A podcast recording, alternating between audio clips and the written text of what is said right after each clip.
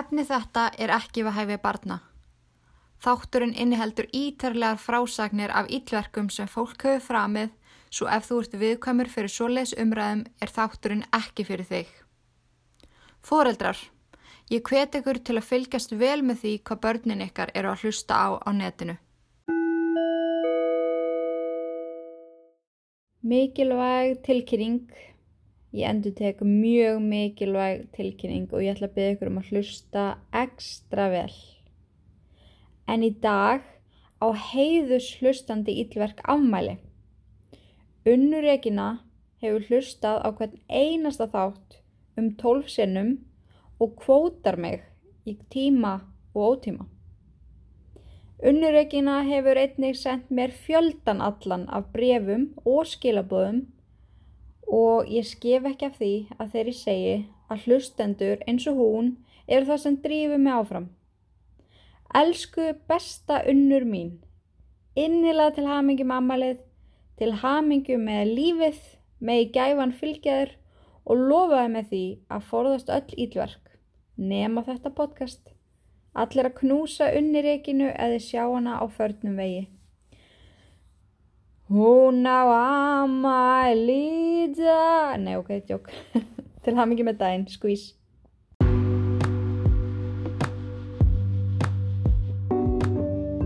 Komið sæl og verið hjartala velkomin í Sagamála podcastið Ílverk Inga Kristjáns er hérna með ykkur á þessum fallega mánudegi frá Kongsins Copenhagen en ég er í vinnuferði hérna næstu tvær vikunar en þannig er mál með vexti að Lindex er að opna sína fyrstu verslun í Danmörku í verslunarmiðstöðinni Fields og fæ ég að vera partur af því ævindýri.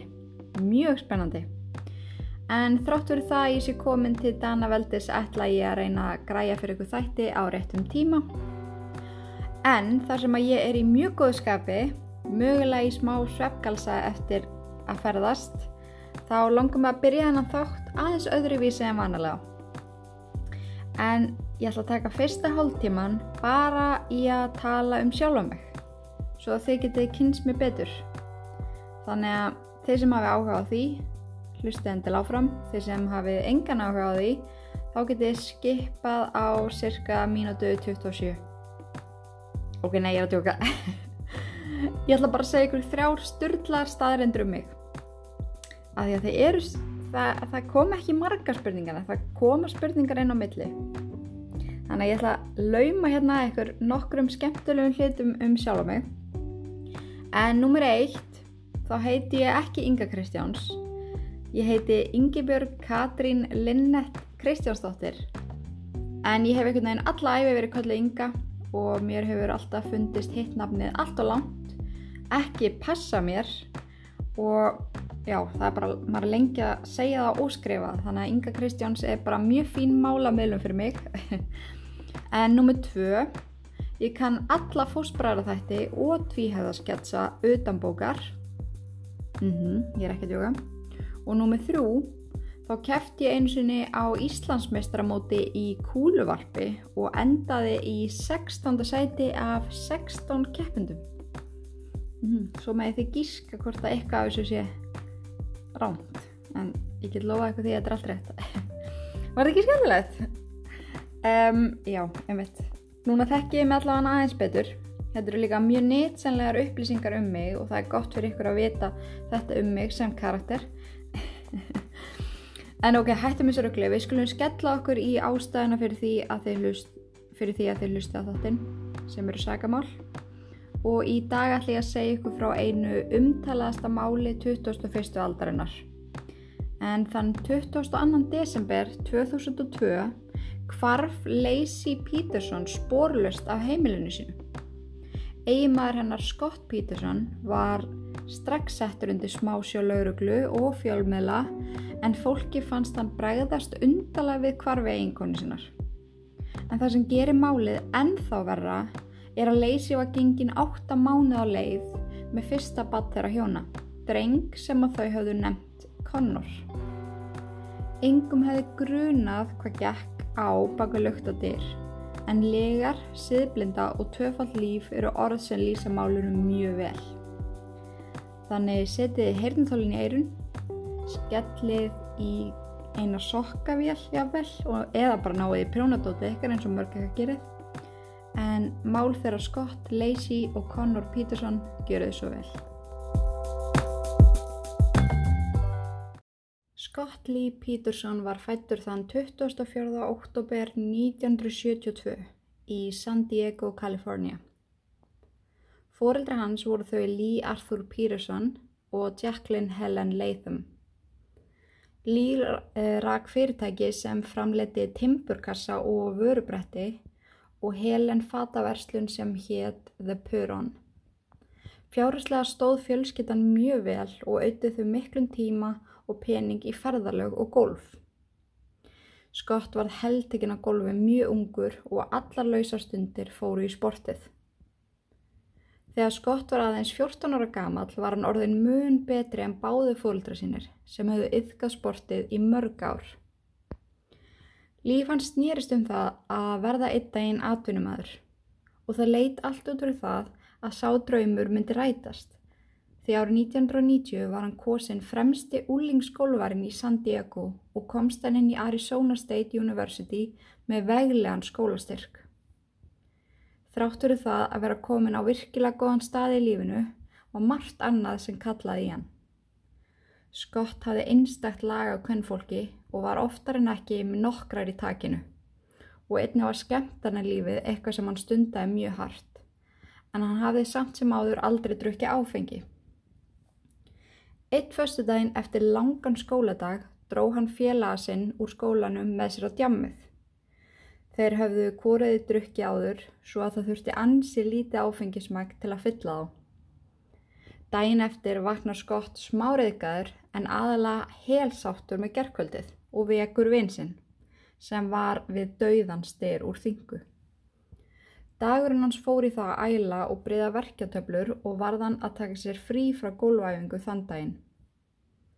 Þegar pappi stráksins frétti að þessu var hann virkilega ósáttur. Hver er þessi skott sem er að eigðalega fyrir sinni mínum? Strax á mánudeginum ringir þessi ágifulli fadir í skólastjóran og segir frá því sem hafi komið upp á. Þannig að sama dag er skottkallar á fund og hann rekin úr gólfliði skólans. Í kjölfarið missir hann skólastyrkin og neyðist hann til að flytja sig um set og sótti hann þá um í California Polytechnic State University. Þar fór hann í viðskiptafræðinám. Þeir kennara sem kendu skott lýsa honum sem duglum, metnaðgjörnum og klárum nefnanda sem var alltaf til fyrirmyndar. Hann skilaði alltaf öllum verkanum á réttum tíma og var alltaf hrókaralsfagnar þegar koma hópaverkunum og stýrði öllum verkanum og svo leiðis ótrúlega vel. Einn af kennurum skott skekk meira að segja það langt að segja að hann hefði verið til í að hafa fulla skólastofu að skott Pírisons. Scott sótti svo um vinnu með skólanum á veitingastænum Morrow Bay. Þar vann hann með nokkur nefndum úr skólanum hans og varð einn stelpann sem hann vann með eða vann á barnum með honum mjög góð vinkonans. Vinkonahópur stelpunar kom oft og heimsóttu hana í vinnuna og sátu tímanu saman, drukku bjór og spjalluðu. En það var einn þeirra sem stóðaleg sérstaklega upp úr, útliðslega séð allavega. Þá er ég að tala um álita á skott á útlitin á henni. Hún hló svo hátt og smitandi og skartaði þessu skennakvíta fallega brosi. Hún var með svo fallega brún augu sem að brættu þá sem horfið í þau. Þráttur það að vera ansi lægin í kvennamálum þó þorðan ekki að taka fyrsta skrefið í að tala við hana. Auga þeirra, voru samt alltaf að mætast og þegar hann kom staði hvað hún hétt Gat hann ekki annað en hugsað til hennar Lacey Denise þegar hann lagðist í rúmið sitt á kvöldin. Það gerði svo skólagönguna ennþá skemmtilegri þegar hann tók eftir því að Lacey var í sama skóla á hann og sá hann hann að bregða fyrir á göngum skólans. Augu þeirra mættust og létt brós kom fram alveg ósérlátt. Það var greinilegt að Lacey var á sama stað og skott því að einn daginn, þegar skott var að vinna, gekk Leysi beint upp á honum og rétti honum númeri sitt skrifa á serréttu. Þau spjalluðu létt og Skott lofaði, lofaði henni því að hafa samband sem allra fyrst.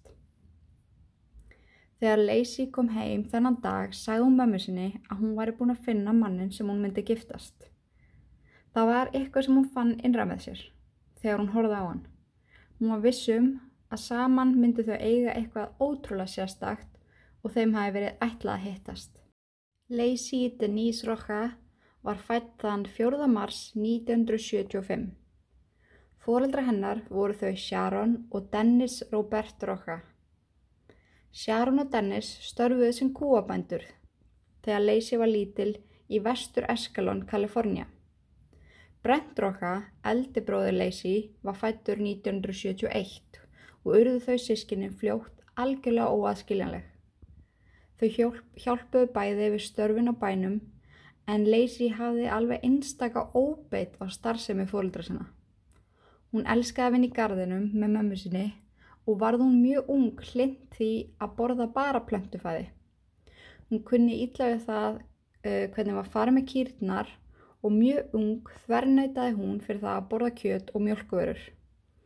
Dýr voru hennar líf og indi og hún vildi beita öllum sínum kröftum í að venda rétt þeirra.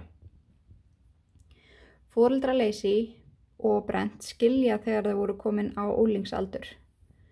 Sharon flyti með krakkana til Modesto Fyrstum sinn fóru krakkanir allar helgar uh, heim á búkarend en pappi þeirra var sérst eftir þar. Lacey og Brent fjallu vel inn í félagslefið í Modesto. Lacey gekk í klappstýrulið skólans, Thomas uh, Dovely High School og eftir mjög stöðum tíma var hún kosin fyrirliði liðsins. Henni hefði alltaf gengið einstaklega vel í skóla, verið mjög vinamörg og vinsæl. Þeir kennara sem kendu henni lýsa Lacey sem einstaklega góðri stelpu við allt og alla. Það voru engir stælar í henni þrátt verið það að vera ótrúlega vinsæl. Lacey var algjörlega til fyrirmyndar, bæði sem dóttur og nefandi og eftir að hún útskrifaðist úr Thomas Downey með fyrstu engun fekk hún ingöngu í California Polytech State University og þar kynntist hún framtíðar eigimanni sínum Scott Lee Peterson. En við skulum heyra aðeins meira um líf Scott og Lacey saman eftir nokkur orð frá styrtaraðala þáttarins.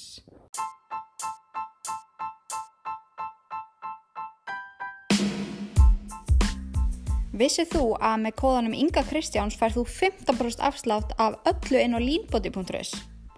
Þú getur líka kíkt í heimsókn í nýja glæsela vestlum þeirra að síðumúla átta og fengi góða og fælega aðstóð og ráðleggingar um hvað þið vantar og fengi svo líka 15% afslátt við kassan með konum Inga Kristjáns. Ég, hver er þessi Inga Kristjáns eiginlega? Hágeðavörur og hámars árangur og við elskum það. Línbóti.is, þín markmið, þín grein. Velkomin tilbaka. En viku eftir að Scott sendir SMS í númerið á servettinu hittust hann og Lacey í fyrsta skipti og þau smullu strax og fljótlega lýsa þau bæði ást við fyrstu sín við vinið sína. Frá fyrstu sekundu sem þau hittust skemmtu þau sér konunglega saman. Scott reyndi að kenna henni golf sem henni fannst að reyndar ekkert sérstaklega skemmtilegt. Þau ferðust mikið saman og deytuðu í næstum tvö ár áður þau gengu í það heila. Brúðköpið þeirra var einstaklega glæsilegt, haldið á björstum sumadegi. Besti dagur lífs þeirra begja. Ef að þið viljið fá einsýn í brúðköpið þeirra, þá eti nóga myndum af þeim á Google. En árið 1997 þá flytjaðu svo saman inn í litla íbúð á meðan þau klára námið sitt. Þau útskrifast svo bæði árið 1998 og heldu sameinlega útskriftaveyslu þar sem vinir og vandamenn komu saman og fagnuðu með þeim. Fjölskyldur þeirra hafðu saminast á svo frábæranhátt og allir náðu svo vel saman. Fóreldrar Scott tóku Lacey sem sinn eigin og öfugt. Á árunum 1999 til 2000 reyndu nýgiftu hjónin fyrir sér í skemmtistaða reksti. Rekstri, fyrir gefi, en þau keiftu sérst gamalt hús sem að þau gerðu að sportbar. Barinn skýrðu þau The, the Stack Fóreldra þeirra hjálpuði þeim mikið með kaupastæðnum því að Scott var alveg vissum að þetta væri miljón dólar hugmynd og fyrstum sinn þá gekk staðurinn vægast sagt hræðilega. Það kom ekki sálaðnin og allt stemdi í þrótt. Eftir ári í þessum rekstri og mikið strögl þá fóð barinn að skila inn aðeins meiri pening fór að ganga eins betur og þá ákvöðu þau á seljan. Þau nefndi ekki að standi í þessu. Fyrir peningin keiftu þau sér sitt fyrsta hús í mjög fínu hverfi sem heiti Covena Avenue, rétt hjá La Loma Park og síðan voru þau bara komin á það level í lífinu að það að eignu spann var stór draumur hjá þeim báðum og árið 2001 tilkynntu þau komu Conner Peterson. Lacey hafði aldrei letið af vel út. Hún ljómaði á meðgöngunni og það sást langa leiðir hversu ótrúlega spennt og hamingi sem hún var. Eitt herbyggi húsins var málað í bláum lit og herbyggi innréttað með innblæstri frá sjómennskunni. En Scott hafði nýverið tekið upp gríðalan áhuga á syklingum og veiði og alls konar svoleiðis og stundaði það mjög stíft þegar hann var ekki í gólfi. Scott hengdi app, svona lítinn appi sinu gulan björganakút fyrir ofan vöggu svona síns og skrifaði á hann velkomin. Allt var að verða tilbúið fyrir fyrsta bad þeirra hjóna og eins og með brúkupi þá getið þið sé myndir af herbygginu til þess að fá meiri svona einsýn. Það er pínu erfitt en þetta er fallet og krútlegt herbyggi. En í nóvember 2002 fer Scott út að hitta vinni sína. Lacey varð eftir heima en þarna var hún komin sjö mánuð á leið og hún var bara eina þeim að hún varð alveg bara rosalega ólett. Sumi verða bara svona pent ólettir en hún var alveg rosalega ólett og mjög þunga á sér. Scott lofaði að vera ekki lengi og kisti koninu sína bless sem að var að hafa sér til fyrir kósi kvöld upp í sófa. Þegar fyrir að líða kvöldið og drikkirnir kláraðir hver að fætur örð, hérna, hver að fætur örðum öðrum. Wow, þetta var erfitt. E, þá færir stemmingin hjá vinhóp skott upp á allt annað plan. Þeir urðu útrúlega hávarir með hálgjara svona rembu sem að fangaði aðtegli kvennahóps sem að satt á hinnum enda barsins Þeir koma röltandi yfir þeirra og setjast og saminast hópurinn og verður að þessu hávara fugglabjargi. Við hliðin og skott sest þessi gullfallega kona sem byrjar að spjalla hann. Augun hennar voru stingandi blá og ljó, ljósa eila kvítaháraðinnar fjall svo ótrúlega fullkomlega niður baki á henni. Skott endaði á spjalla við þessa ljósari stelpu allt kvöldið og fór svo með henni heim. Þetta kvöld var byrjunin á ástarsambandi þegar Scott Peterson og Amber Frey. Það er eitt mjög áhugavert sem ég verða að taka fram. En Amber segir frá þessu setna mér. Dæin eftir fyrstu nóttina þeirra saman, þegar þau vöknuðu og fóru að kúra eins og maður gerir, þá fóruð að spjalla. Og hann segir henni frá því að hann sé að upplefa fyrstu jólin og áramótin án eiginkonu sinnar, sem væri nýverið dáin. Amber fær náttúrulega bara alveg í magan og segir Guð, þú veist, ég samryggist þér Hvena lest hún? Og Scott segir að hún hafi dáið fyrir þetta ár. En þarna byrjaði hún að deyta Scott á þeim fórsendum að hann væri ungur ekkill. En við skulum taka það fram að í november 2002 var Lacey sprellefandi og kasólegt og hafði aldrei verið hamingisamari. Scott hefur eftir þetta dagilega samband við Amber í gegnum SMS en var á sama tíma spenntur verðandi fadir sem að degraði við konunum sinna og var döglar á nuttana og færin allt sem henni vantaði hann að utan að virkaði eins og ekkert væri að en þann 23. desember 2002 klukka 05.45 eða kortir í 6 segjum það bara frekar fer skott í klippingu til sýstir hennar Lacey sem heitir Amy Rocca en hún átti sér sína einn stofu og hann kom alltaf til hennar einu sinni mánuði í klippingu. Og hann var einmitt rosalega fegin að komast í klippingu þennan dag veist, fyrir jólin og hátíðarnar og svona því að hárið hans var orðið á mikið og svona. Og Lacey kom með honum bara til að komast aðeins út úr húsi og til að hitta sýstu svona og þau fara að ræða jólagjafir og jólin og, og hluti sem að þau átti eftir að græja fyrir hátíðarnar og svona og Amy segi þeim frá því að hún ætla að gefa af að þeirra leysi stóra ostakörfu en hún var í ykkur veseni með að sækja hana því hún var bíllaus og hún var uppselt í þessari búi, hún var bara til þarna og bla bla bla bla. Þannig að Scott býðist til að retta henni og hann segist sjálfur vera að fara út úr bænum til að spila golf. Og Lacey var bæð og ég að fretta það í fyrsta skipti þarna og hún er bara ó, oh, ok. En Amy þakka hann kellaða fyrir og Peterson hjólin, hjónin heldu heimalegð. Klukkan halv nýjum kvöldið ringir mamma Lacey og þær maður spjalla í um 40 mínútur. Mamma Lacey var farin að ringja æörar í dóttur sína þar sem að byðin eftir ömmustraknum var orðin ansi erfið og hún vissi að dóttur sín væri svona ansið þunga á sér og pínu svona emotional en hjónin fara að snemma upp í rúm þetta kvöld. Dæin eftir eða þann 24. desember 2002 græjar Scott sér fyrir ferðina. Hann hveður Lacey og spyr hvort hún treysti sér út með hundin þeirra Mackenzie. En hún sá nú hann alltaf að fara með hann í göngutúr um gardin eftir þáttun sem hún var að horfa á. En hún var að horfa á Mörtu Stjúart, baka smákökur og var að gera það með henni í rauninni. Þannig að ilmurinn af jólasmákökum umlugti húsið. Um, hvað með langur í jólasmákökur? Pæliði hvað að fara að stittast í að við getum fara að baka jólasmákökur. Ah en þegar klukkunni vantaði korter í 11 kemur uh, nágrannu Pettersson hjónana Mike Schiavetta auga, nei auga fyrir ekki það á Mackenzie vappandi um gödunar sem er hundurinn þeirra og taumurinn var ennþá fastur í ólinni bara svona dinglanda eftir henni hún teimir Mackenzie inn í garðin þeirra og lokar bara eftir og spáir ekkert meir í því Hún gerði bara ráð fyrir því að Lacey væri inni og hefði líklega sklemt að loka eftir sér. Scott kemur svo heim eftir hádegi, bara að tóma um kofanum. Hann finnur svo hundun út í gardi, feð með hann inn og gefur henni mat í skálinu sína.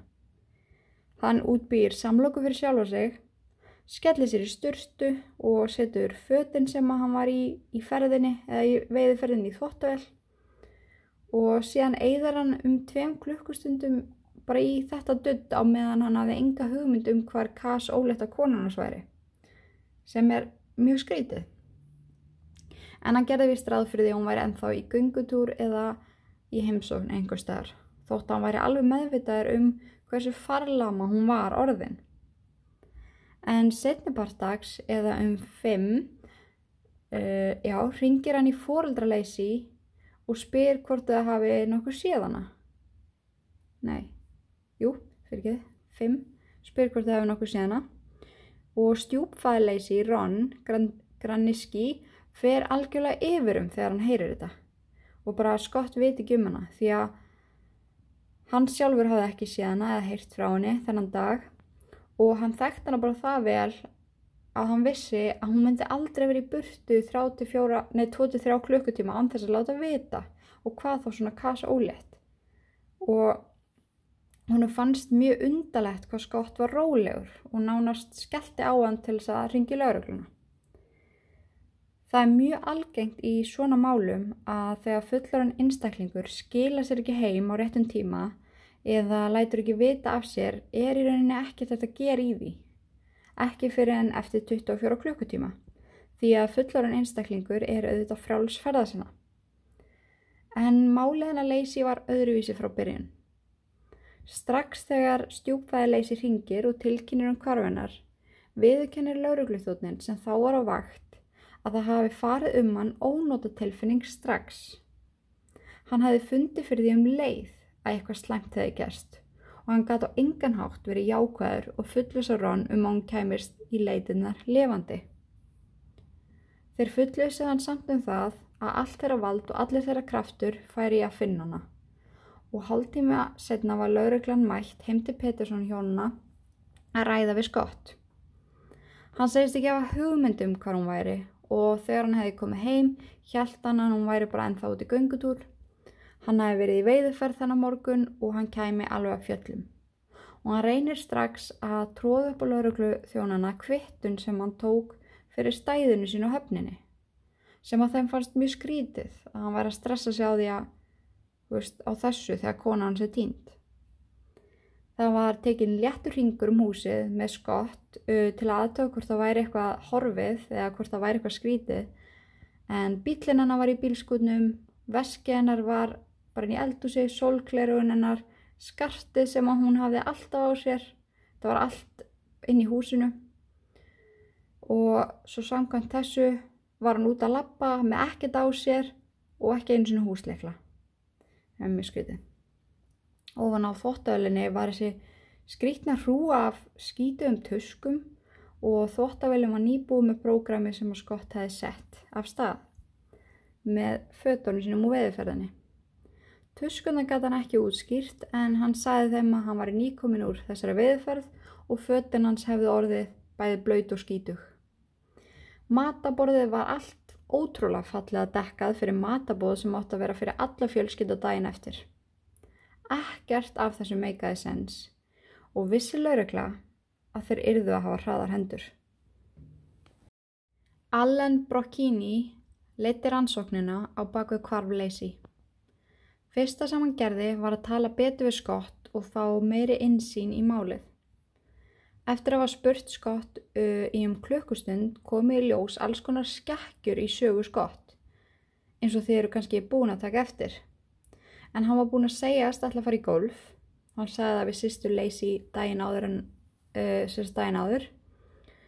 Og hann var bara veltaði fyrir sér akkur fórst að veiða í staðin er eitthvað sérstök ástæða klukkutíman er liðu og ekkert bólað á leysi. Fjölskytun hennar var algjörlega að fara yfirum og gáttu var alltaf setja kerr þau gengu fram og tilbaka um húsið og störðu á síman á meðan skott var heldur rólegur. Upp á lauruglustöð þegar að já, upp á lauruglustöð þegar hann var yfirherður innan gæsilappa því að hann var náttúrulega ekki handikinn hann heldur var bara vera að spyrja hann til að komast uh, nær sannleikanum þá sem sagt spurði hann ekkert út í gangmála hvenar hann er þið látin laus og veist svo hann geti farið að leita eða bara hvort hann væri undir grunn hann spurði bara ekki út í neitt og síndi nánast engar tilfinningar. Eða hús bara eins og hann er stæð á sama á eitthvað nátt og maður verður náttúrulega að skilja það að það bregðast auðvitað ekki allir við, nei eins við við svona lögu, allir díla við erfiðar aðstæður mismjöndi en maður hefði svona haldið að ef ófrísk eiginkonaðinn gengin 8 mánu á leið væri ekki búin að skila sér heim nýláta við þetta, þá væri manni svona frekar órótt kannski. En Skott fekk fullan stöning frá fjölskyldum þeirra begja Þau sögðu frá því strax að þeim grunaði skott ekki á neittnátt því að þau vissu hann elskaði leysi og væri yfir sér spenntur að fá konur í hendunar og fólk gæti algjörlega glemt því að hann ætti eitthvað parti því að hún var ekki búin að skila sér heim. En fimm klukkustundum eftir að símtalið kom inn frá stjúpföðu leysi var sendt út frettættilkynning og allir fóru út að leita. Götunar fylltust af fólki sem var reyðbúið að leggja hendabló í leitinni að leysi og konur. Þrátt fyrir það að lauruglu grunaði að það væri meira á baku þetta var málið ennþá bara flokkað sem missing person. Þann 25. desember satt Amber Frey við eldursporið heima á sér og fletti í gegnum dagblæðið. Hún rak upp stór augu þegar hún sá frettina um hvarf Lacey Pettersson og sá stóra mynd af kærastennu sínum með arminn utan að þessa dökkarðu gullfallegu konu sem var í þokkafabót ófrísk af barninu þeirra. Þá fór mjög þung tilfinning yfir hana og það rann upp fyrir henni að hún hefði verið svo innilega blekt af þessu manni. Hún hafði strax sambandið lauruglu sem vildi fá að hitta hana og ræða við hana. Amber vildi hjálpa eins mikið til og hún gæti og sagði frá öllu sem að hafi farið þar á milli. Hún sagði frá því að hún hafi, já, að fyrir um mánuði að, já, að, hún sagði frá því að hann hafi sagt fyrir um mánuði að Lacey var í dáin og þetta veru fyrstu jólinn hann sem ekkill eins og ég sagði ykkur aðan. Hún samþekti það að segja skott ekki frá því að hún væri að vinna með lauruglunni og vissi af þessu öllu saman og hlerunabúnaði var komið fyrir á símanum hennar svo að hún geti tekið upp samræðunar sem hún átti við hann. En þau höfðu náttúrulega samband við hvort annað hvern einasta dag. Hann hafði til dæmis haft samband við hana á meðan hann setti í þóttavélina daginn sem að leysi kvarf. 31. desember 2002, sjö dögum eftir kvarf leysi, var haldinn aðtöfn á torkinu tilenguð henni og konner. Fólk sapnaðist saman og kveikti á kertum. Allir báðu fyrir því að þau kæmu heil heim. Bein útsending var frá aðtöfninni þar sem fjölskyldumellumir leysi töluðu opinskátt um tilfinninga sínar, þakklæti fyrir alla aðstöðunni, aðstöðuna og gráðbað þann sem hafði þau í haldi að skila þeim aftur heilum heim. Á meðan allir voru harmi slegnir, laumaðist skott í burtu til að ringja í amber. Upptökubúnaður í síman, símanum hennar tók upp allt sem þeirra fór á milli. Emma, hey, Happy New Year's. I'm uh, near the Eiffel Tower. New Year's celebration is unreal. The, crowd is huge. Finnst ykkur þetta ekki óhugst trúið þessu? Hann lígur af því að hans er staðsettur hjá Eiffelturnunum í París að fagna áramótunum en er í rauninni í aðtöpt sem var sett upp fyrir týnda eiginkonu hans og ófættan són. En þarna officially fóru hlutinir sterklega að beinast af honum. Mál Lacey uh, Pettersson og Conor Pettersson var dimmara í augum lauruglu með hverjum klukkutíma sem leið frá kvarfiðara. Skott varð einni grunnsanlegri með hverjum klukkutímanu sem leið. Þrátt fyrir grunnsemdri hanskarð voru engar sérstakka vísbendingar um það að hann hafi haft eitthvað með kvarðar að gera. Eina sem bendi áttina til hans voru orð, hegðun og common sense í rauninni. En nú hafði hann líka byrst heilmikið í frettunum og spjallþáttum og almenningur var alveg farin að pekka upp hversu ótrúlega undalegur hann var og hvað hann hagaði sér ekki á neittnátt eins og einstaklingur í svona hræðilegri stöðu. Hann hagaði sér ekki eins og áíkjufullur eiginmaður og fadir. Frekar eins og önug, önugur úlingur sem að hann nefndi ekki öllum þessum spurningum endalaust. Pettersson máli var í öllum frettaþáttum á öllum stöðum nær allan daginn. Þetta er eitt umtalaðasta mál og frægasta mál 21. aldarinnar. Andlið Lacey og Scott voru framann á öllum dagblöðum með sláandi fyrirsögnum sem skrifað voru þeirri von um að sala blaðsins myndi aukast um helming, sem það gerði. Það er líka að tala um það að frettalega séð hafi þetta mál gerst á fullkomnum tíma, ef að svo má að orði komast. Sjóastöðar voru þarna að stíga sinn fyrstu skref í að byrta efni allan sólarhingin og þessum tíma árs er yfirleitt ekki mikið að gerast í heiminum. Svo allir miðlar stukka á þetta og fjöllu um þetta enda laust. Og ég er ekki segið að það verið slæmt. Ég vissum að máli hefði aldrei leist nema einmitt út af þessari aðtegli. En peningarnir sem frettamillar og tímaritt hafu höluð inn á þessu af þessu máli var á pari við O.J. Simpson málið sem er einnig eitt frægasta mál 21. aldarinnar. En umfjöllunin á þessum tímpunkti var samt engin með við það sem komið skildi. En þann 23. janúar 2002 á bladamannafundi komið fram upplýsingar sem að almenningur vissi ekki og ekki heldur fjölskyld og skott nýja leysi. Fundurum var síndur í beinni útsendingu og götu bæjarins algjörlega tæmdust. Það hefði mátt heyrast sömnál detta út á götunum því að allir voru inni að fylgjast með útsendingunni. Þeir sem hefðu búist við yfirlýsingu frá lauruglu eða jafnveg líkfundi brá aldeilis í brún þegar þessi smágerða, ljósærða kona kom på svið. Hún var klætt neyfi blári drakt með hárið upp í snúð. Hún hjælt á blaði nánast fyrir andlitinu og skalf á beinunum. Amber Frey var tilbúin að tala opinskátt og eftir þennan bladamannafund var Scott Lee Peterson hataðasti maður bandaríkjana. Okay, first of all, I met Scott Peterson November 20th, 2002. Scott told me he was not married. We did have a romantic relationship. Degi síðar komu fóreldra Lacey og bróður hennar fram á öðrum blaðamannafundi og dróði tilbaka allan stuðning sem að þau hafðu veitt skott. Þann 13. apríl 2003, fjórum mánuðum eftir hvarf leysi, fekk laurugla inn ábendingu sem var þeirra martröð. En eldri hjón á göngu um San Francisco Bay komu auga á eitthvað skrítið í fjörunni. Þegar þau komu nær og sáu hvað þetta var, tókuðu andköf. En þetta var lík af unga barni. Dægin eftir fannst búkur sem virtist vera konu um 1,5 km frá líki barsins. Fæturnir hafðu verið fjarlæðir fyrir neðan nýje og hendur rétt fyrir neðan olbúa. Höfuð var ekki til staðar. Búkurum var klættur í kremaðar joggingbuksur og meðgöngubröstaraldra.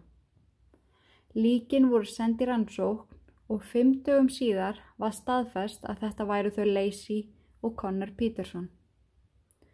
Dr. Brian Peterson, hann er bæðið og ekki skildröðum þótt hann heiti það, kröfiði líkin og rannsakaði þau.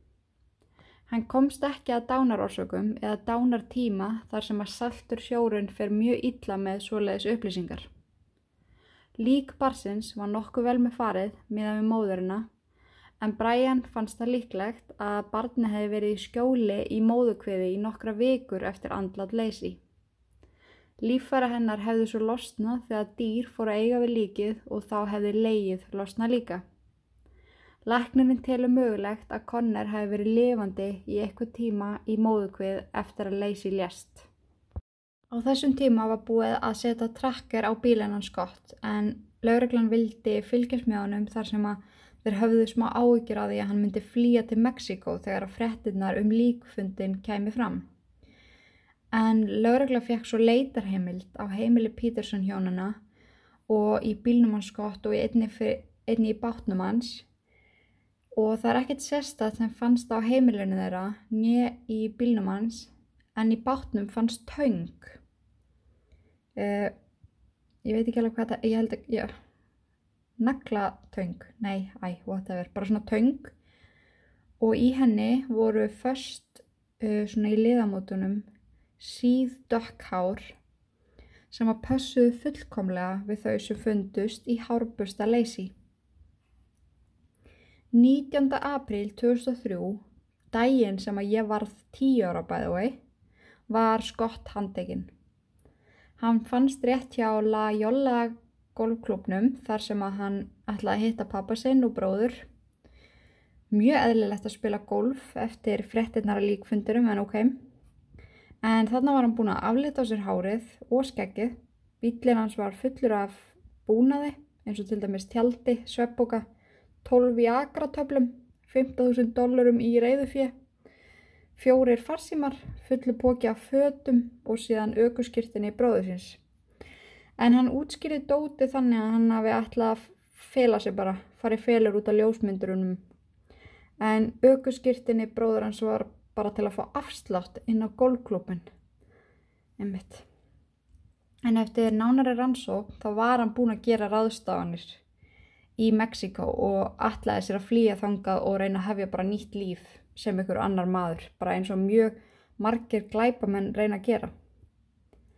En réttahaldin yfir Scott Lee Peterson voru bæði gríðarlega umtöluð og bara líktust á tímabili sirkus í rauninni.